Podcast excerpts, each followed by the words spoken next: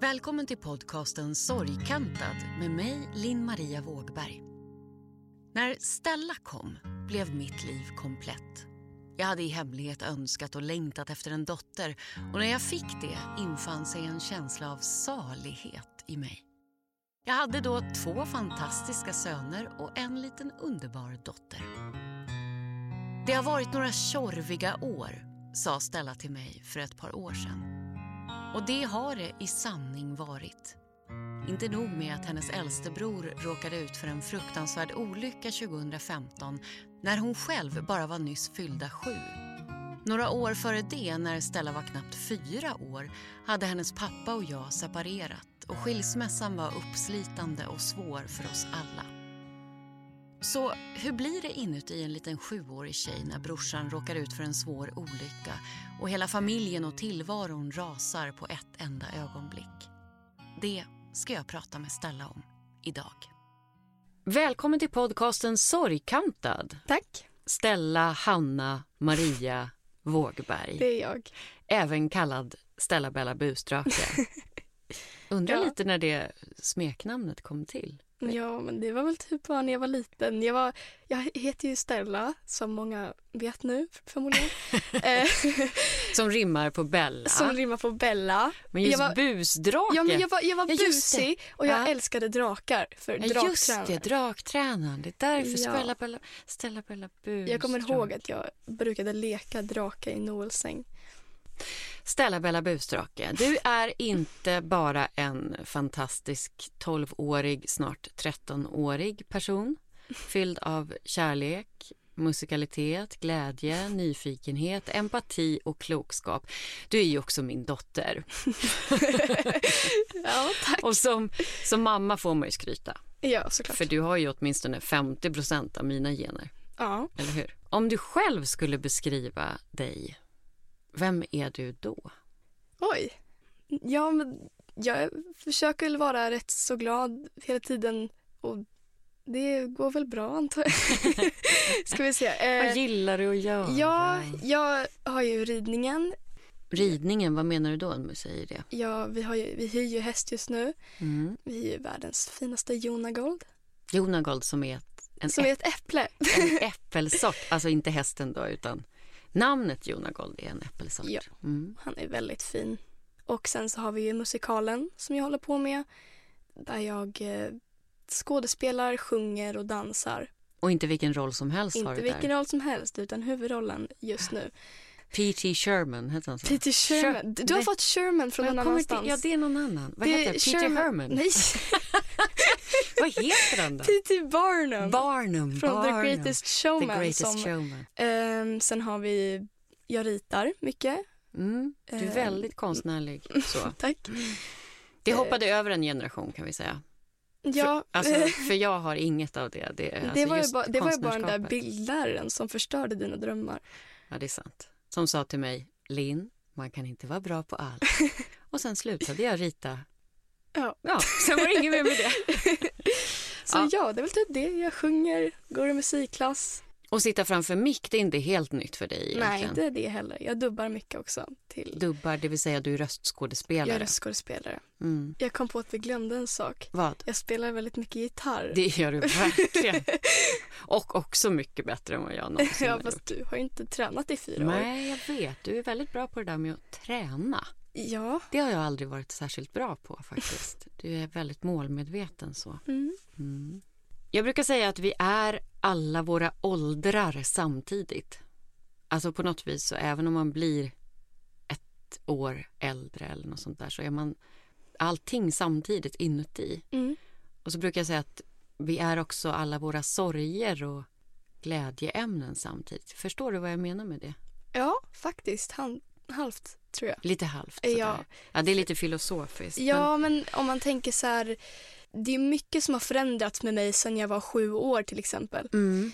Men det finns ju fortfarande grejer som är kvar som har varit i mig i hela mitt liv. Precis, som kärnan i dig. Liksom. Precis. Liksom. Mm. Och alla sorger, det kan man ju också tänka så här att allting som både du och jag har gått igenom har lett till den person vi är idag. Mm. Utan de sorgerna, utan de saker vi har gått igenom skulle vi vara en helt annan person. Mm, förmodligen är det så. Ja. Jag minns att du vid några tillfällen liksom suttit vid köksbordet med makaroner i munnen och sagt ja du mamma, vi har haft några tjorviga år. ja. Vad tänker du att du har tänkt då när du har sagt så? Jag tror det var bara att jag tänkte bara så här, jag sammanfattade allting i min, i min hjärna. Jag tänkte att det har hänt. Vi har gått igenom det, men nu är vi här och är gladare än någonsin.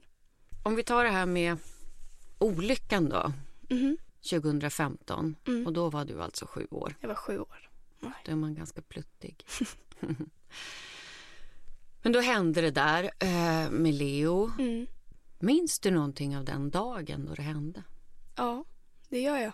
Vad minns du? Jag minns att jag satt vid min dator. Sen så från ingenstans så började jag höra att du och pappa gick runt i huset och pra- sa så här, typ, pratade i telefon. Man hörde ju på tonen att någonting hade hänt. Mm. Så självklart blev jag också ganska orolig och så här bara, ah, men vad är det som händer? Jag, jag fick inte reda på det på ett tag, men när jag fick reda på det så var det så här bara, jag kunde inte riktigt tro vad jag hade hört. Så kom pappa upp för trappan. Det var typ då jag liksom mer fattade så här, mm. så här nu kommer det vara någonting som kommer förändra allting. Och det var det. Ja. Vi satt i vardagsrummet och vi var, ganska, vi, alltså vi var ganska tysta, vi bara väntade liksom. Vi bara kollade mot varandra. Och ja, för vi så. visste ju inte under hela den här kvällen som du tänker på nu. Mm. Då visste ju ingen av oss var Leo var eller vad som hade hänt egentligen eller om han levde. Mm.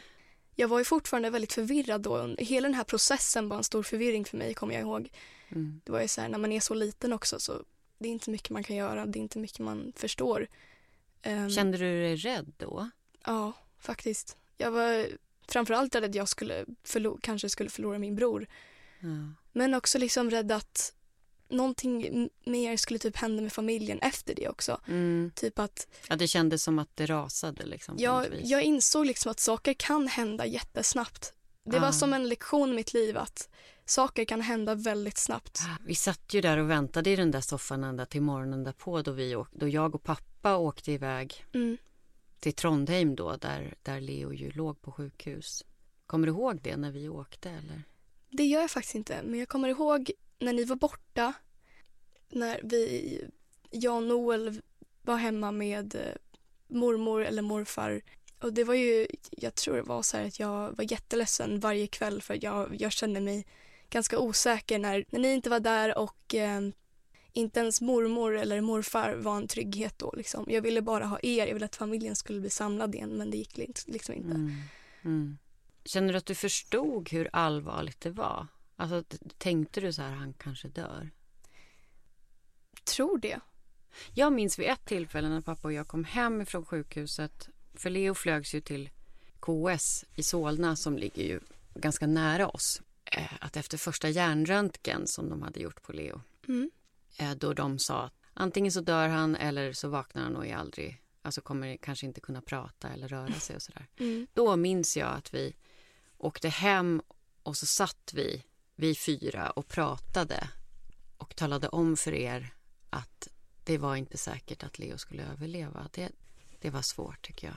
Från allra första början så vill jag minnas att du, när vi förklarade det här att han hade hamnat i väldigt kallt vatten, då tänkte du så jaha, nu kommer han att vara förkyld, alltså för att det var så kallt liksom.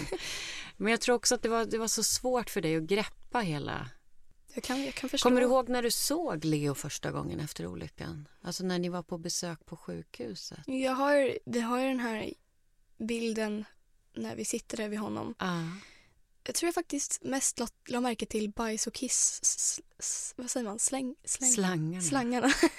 det tyckte du var konstigt. Ja. ja. Det var ju um, väldigt mycket slangar. Herregud, och väldigt överallt. mycket maskiner. Sen kom jag ihåg att jag såg att hans, han hade något gips på armen jag hade kommit ihåg då att han hade brutit armen innan. Har han brutit armen igen har liksom så varit så att mm. den var känslig så att den bröts igen. Och han hade ju bandage på båda armarna och båda benen efter han fick någonting som kallades för compartment-syndrom, det vill säga att trycket i armar och ben blev så högt mm. så att det svullnade så mycket så att det riskerade att bli cirkulationsstopp i armar och ben. Mm. Och då dör ju muskulaturen om det inte kommer syresatt blod ut i armar och ben. Och det var ju det som hände med hans underben. Ja, just det. Det var därför man fick operera bort muskulatur där för att den, det benet klarade sig inte riktigt. Nej. Så då fick man ju öppna upp armarna. Och det, det är där alla de där ärren är ifrån. Ja. Oh. Ja, Som det ormar. zigzag är, är över hela ärmarna och så fick det ligga så öppet liksom. Men då hade man ju bandage då runt så att inte ni skulle behöva se. Men du var några gånger på sjukhuset i alla fall. Mm.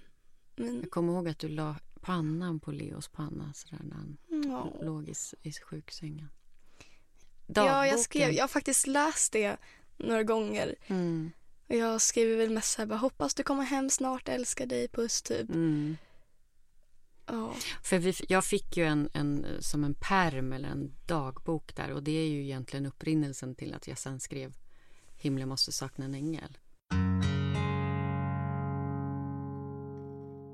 Det är inte helt enkelt att vara syster till ett sorgkantat mirakel såklart.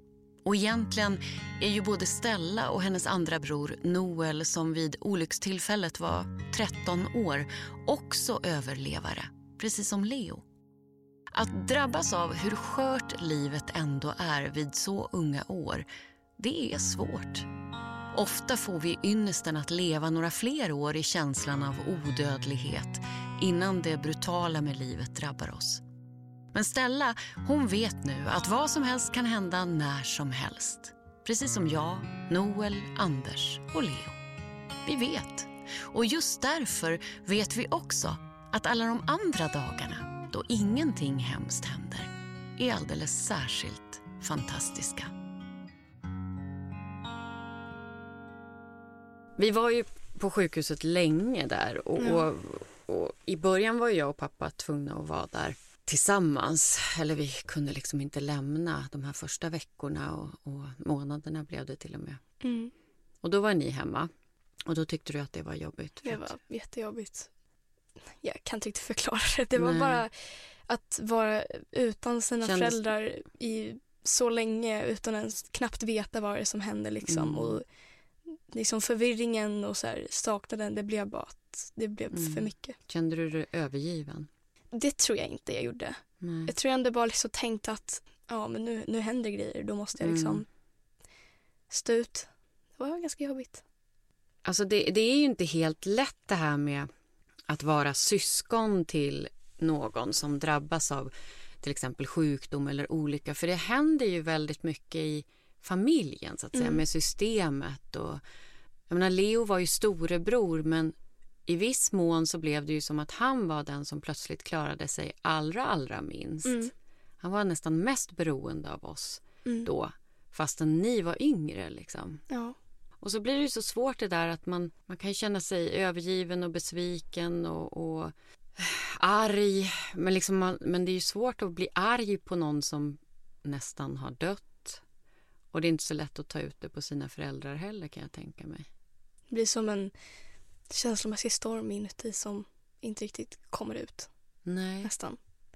Jag brukar säga att du är mitt glada barn. Nu vet jag inte, nu är du så pubertal. Ja, tack för den. Ja. Nej då, men alltså så upplever jag det som, du får rätta mig om jag har fel, men jag upplever det som att du tog på dig den glada rollen. Att du skulle vara positiv och det här ordnar sig mamma, det kommer bli bra och där, där, där. Alltså, och allting var du väldigt positiv till. Mm. Och det var du egentligen nästan ett helt år efter olyckan. Mm. Tills en dag då du inte tyckte att nej men nu orkar jag inte vara glad längre. Då ville du inte gå till skolan. Du ville att vi alla skulle vara i samma rum hela tiden. Du tyckte att det var jättejobbigt att, att vara ifrån varandra. Liksom. Mm.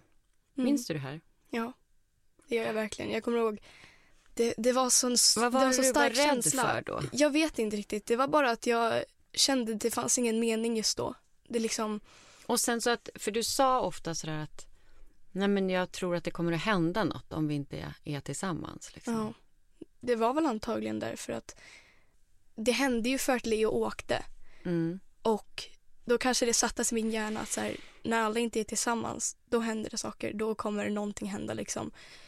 Och så är det ju inte. Men eh, Nej fast det kan. Det kan. Och det är ju det som är grejen att För jag tänker att du var ju så, li, alltså du var ju så liten och oftast så kommer inte såna här insikter med att ja, men, saker kan faktiskt hända på en sekund. Mm. Det kommer inte så tidigt i livet. Nej. För ofta så tänker man ju nästan att man är odödlig och livet kommer vara för evigt. Att sommarlov är Ja, evigt precis. liksom. Nej.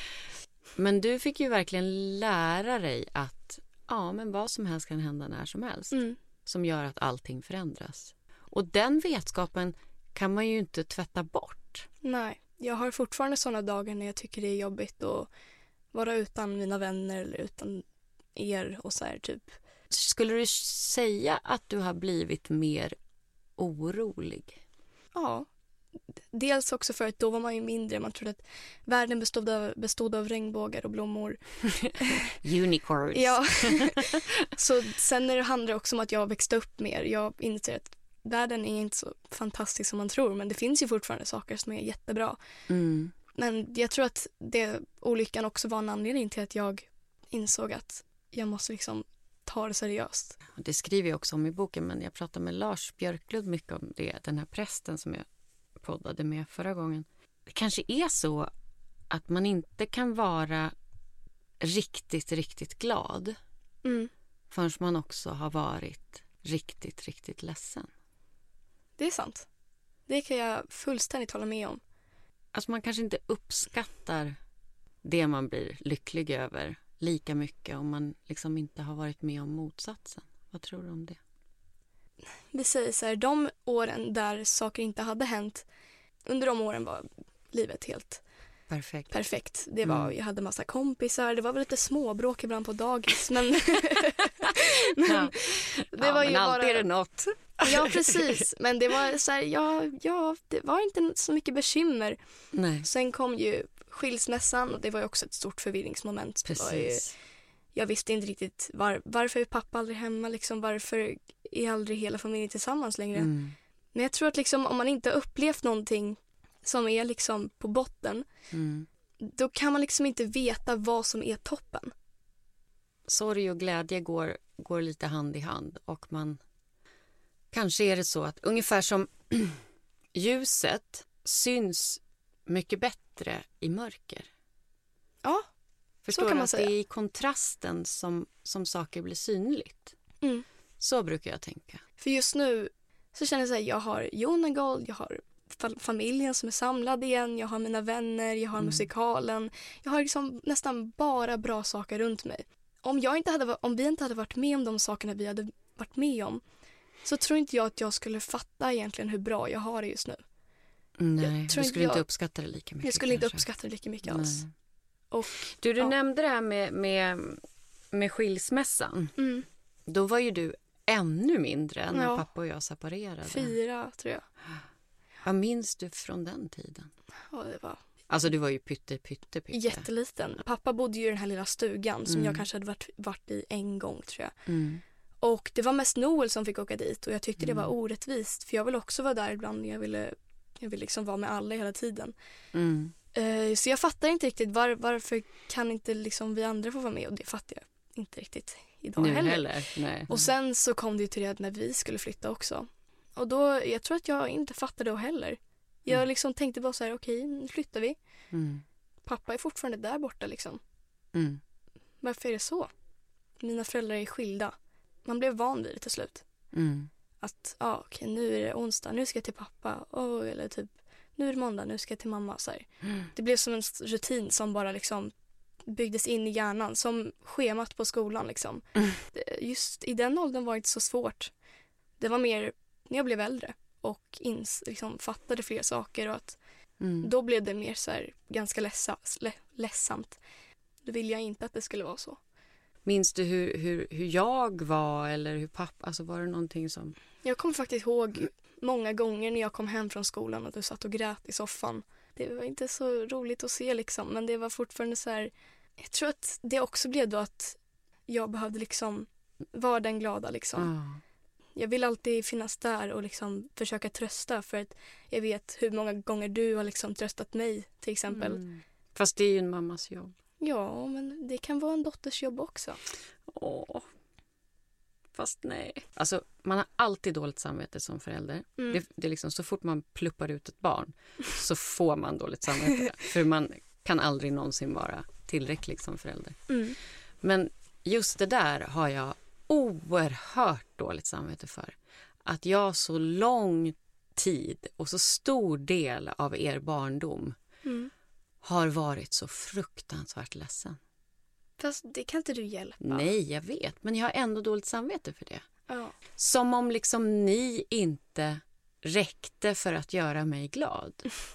Det gjorde ni ju egentligen. Det var ju Mm. bara det att nej, jag klarade det. Alltså jag, för jag var verkligen fruktansvärt ledsen och därmed blev ju jag väldigt frånvarande de där åren. Jag var så inne i min egen ledsenhet och sorg och depression där eh, efter skilsmässan. Det gick ungefär två och ett halvt, tre år till, tills olyckan skedde efter separationen. Mm. Och då hade vi precis börjat liksom på något vis få näsan över vattenytan och Sen komma bara, tillbaka. Bara, nej. nej. jag vill bara, Men, ja, förlåt, eh, Mm. jag vill bara klargöra för dig att du har inget att känna dig dålig för. något. Nej, vad fint. Alltså jag fatt, tack snälla du. Jag förstår att du känner så. Men, Mm. men, eh, men så där är det ibland. Att man, som för, särskilt som förälder tänker jag. Det, ja, det har jag jättedåligt samvete över. Sen kunde jag inte göra något annat. Jag gjorde mitt bästa, verkligen. Det är det enda du kan göra. Men, men det, och det brukar jag också säga så här. Mm. eh, Att ja, ja, men mina barn de tycker i alla fall inte att det är, läs, eller att det är läskigt med känsloyttring.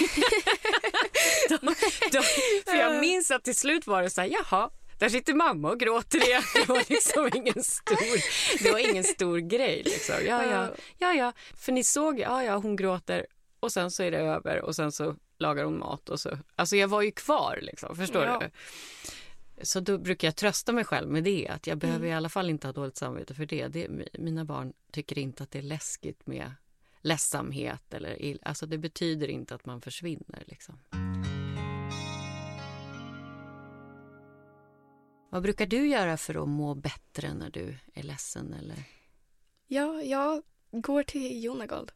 Helt Mm. klart. Jag går dit och det blir som att, att när man kommer in i stallet eller så här, man ser hästarna så bara, det är, någon, det är någon, någonting med det som gör, bara gör att allting i mig, det är bara hästarna som Mm. betyder något när jag är där.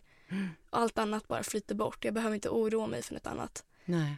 Också speciellt när jag rider att då fokuserar jag så mycket på vad som händer. Jag måste liksom ha kontroll över saker Mm. och då blir det bara att när jag är där då är en sak som betyder något Mm. och det är hästen. Vet du vad det är?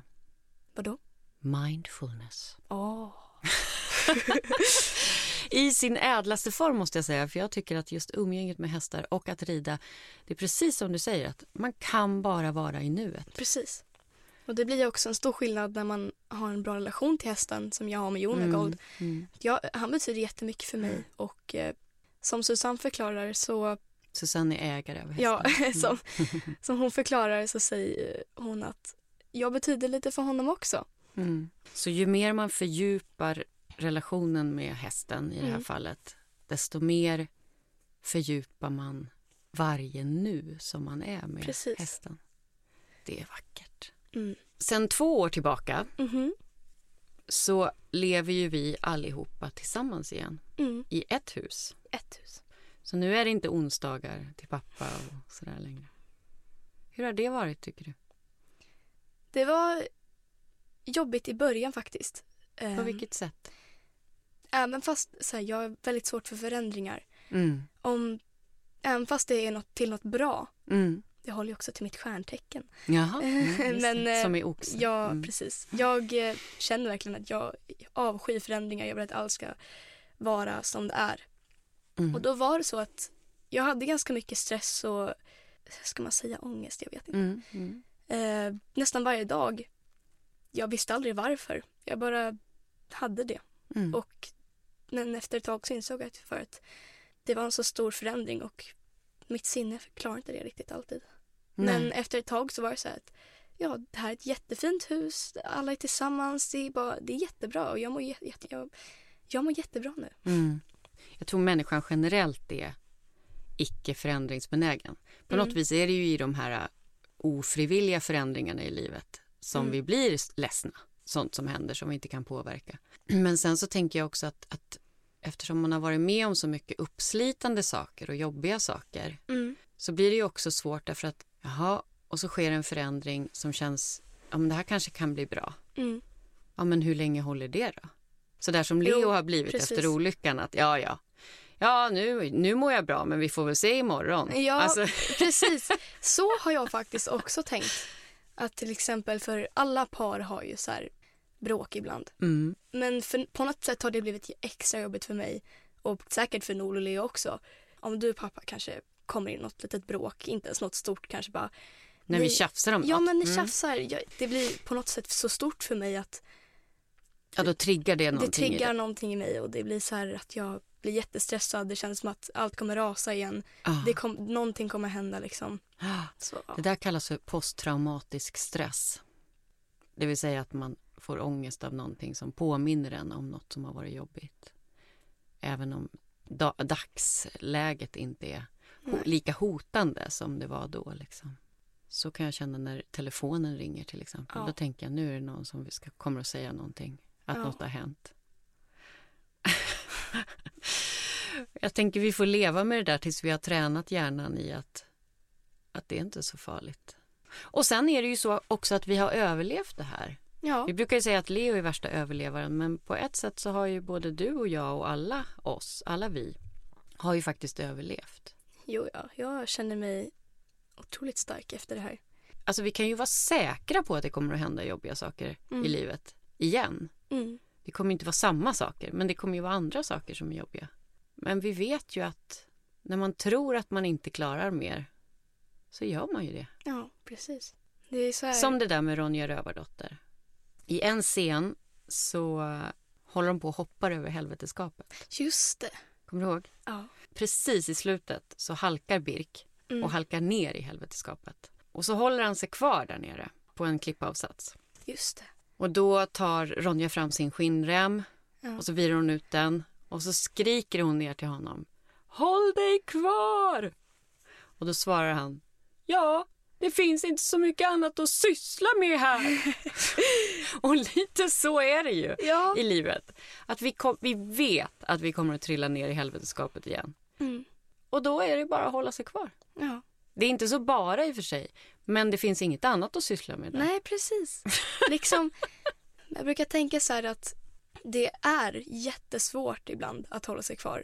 Mm. Det kan vara en jätteliten klippbit som man håller i Mm. med sina fingertoppar. Mm. Men om man bara håller kvar, alltså bara man tror på det liksom. På något Och, sätt. och gärna om någon hissar ner en skinnrem till ja, en. det också. Mm. Eh, då kommer det liksom bli bra till slut. Det är liksom inget varar för alltid. Och det är samma sak med dåliga saker. Precis. Det varar inte för alltid. Nej. Som du brukar säga till mig, om jag är ledsen över något eller mår dåligt över något. Den här känslan är bara nu. Så det har du sagt till mig. Vad klok jag är. Ja. det har jag sagt till mina kompisar också. Vad bra! Ja, jag tyckte det var så bra. Just nu, brukar jag säga. Ja. Just nu är det så här. Mm. Det brukar jag också tänka själv och det, det hjälper. Ja, det är faktiskt jättebra. Noel och Leo har ju haft väldigt mycket ilska mellan sig. Mm. Ännu mer efter olyckan. Mm. För när de var små, då var de bästa kompisar. Men... Det kanske också beror på att Noel kände att Leo fick för mycket uppmärksamhet och att han blev lämnad ensam liksom. Ja, så kan det vara. Det kom jag på nu. Och jag tänker också att återigen, det är väldigt svårt att vara, rikta sin ilska mot någon som nästan dog. Liksom. Mm. Jag kommer Nej. ihåg nämligen när, när det här hände. Då var Noel så himla ledsen och, och mormor pratade med honom flera gånger. Då var vi fortfarande på sjukhuset hela tiden, jag och pappa. Och då sa han att om, om Leo nu skulle dö, då, då ville han hinna dit för att säga förlåt till honom. Eh, därför att han tyckte att han hade retat honom så mycket. Ja. Och så när han äntligen fick komma dit så viskade han liksom förlåt Leo. Och Leo kunde liksom inte ta in det. Leo har varit så arg på Noel och jag tänker också att det har handlat väldigt mycket om att på något vis symbolisera Noel allt det som Leo förlorade efter olyckan. kroppen och fysiken och Noel alla, ju kompisar och ja. tjejer och ja men du vet allt det där. Noel har ju nästan typ allt det. Han har ju massa kompisar. De är ju väldigt olika generellt men ändå alltså tänk att det blev det vart liksom väldigt mycket ilska emellan dem efter det här. Men det är lite bättre nu, tycker du det också? Jo, faktiskt. Det var ju många middagar där de liksom, där det bestod av att de stod och liksom... Ja, de, de, det var bara förakt och ja, hat precis. Men ja. nu är det faktiskt, de kan skämta med varandra liksom ja. ändå. Det är skönt. Tycker du att du har haft någon syskonrivalitet mellan? Det blev som en, i alla fall med mig och Noel, det blev på något sätt mer syskon liksom. Vi, för när Leo, du och pappa var borta.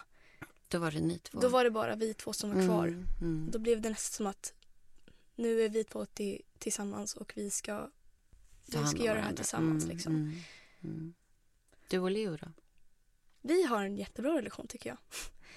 Jättebra brorsa tycker jag. Och, eh, Lite besserwisser, eller hur?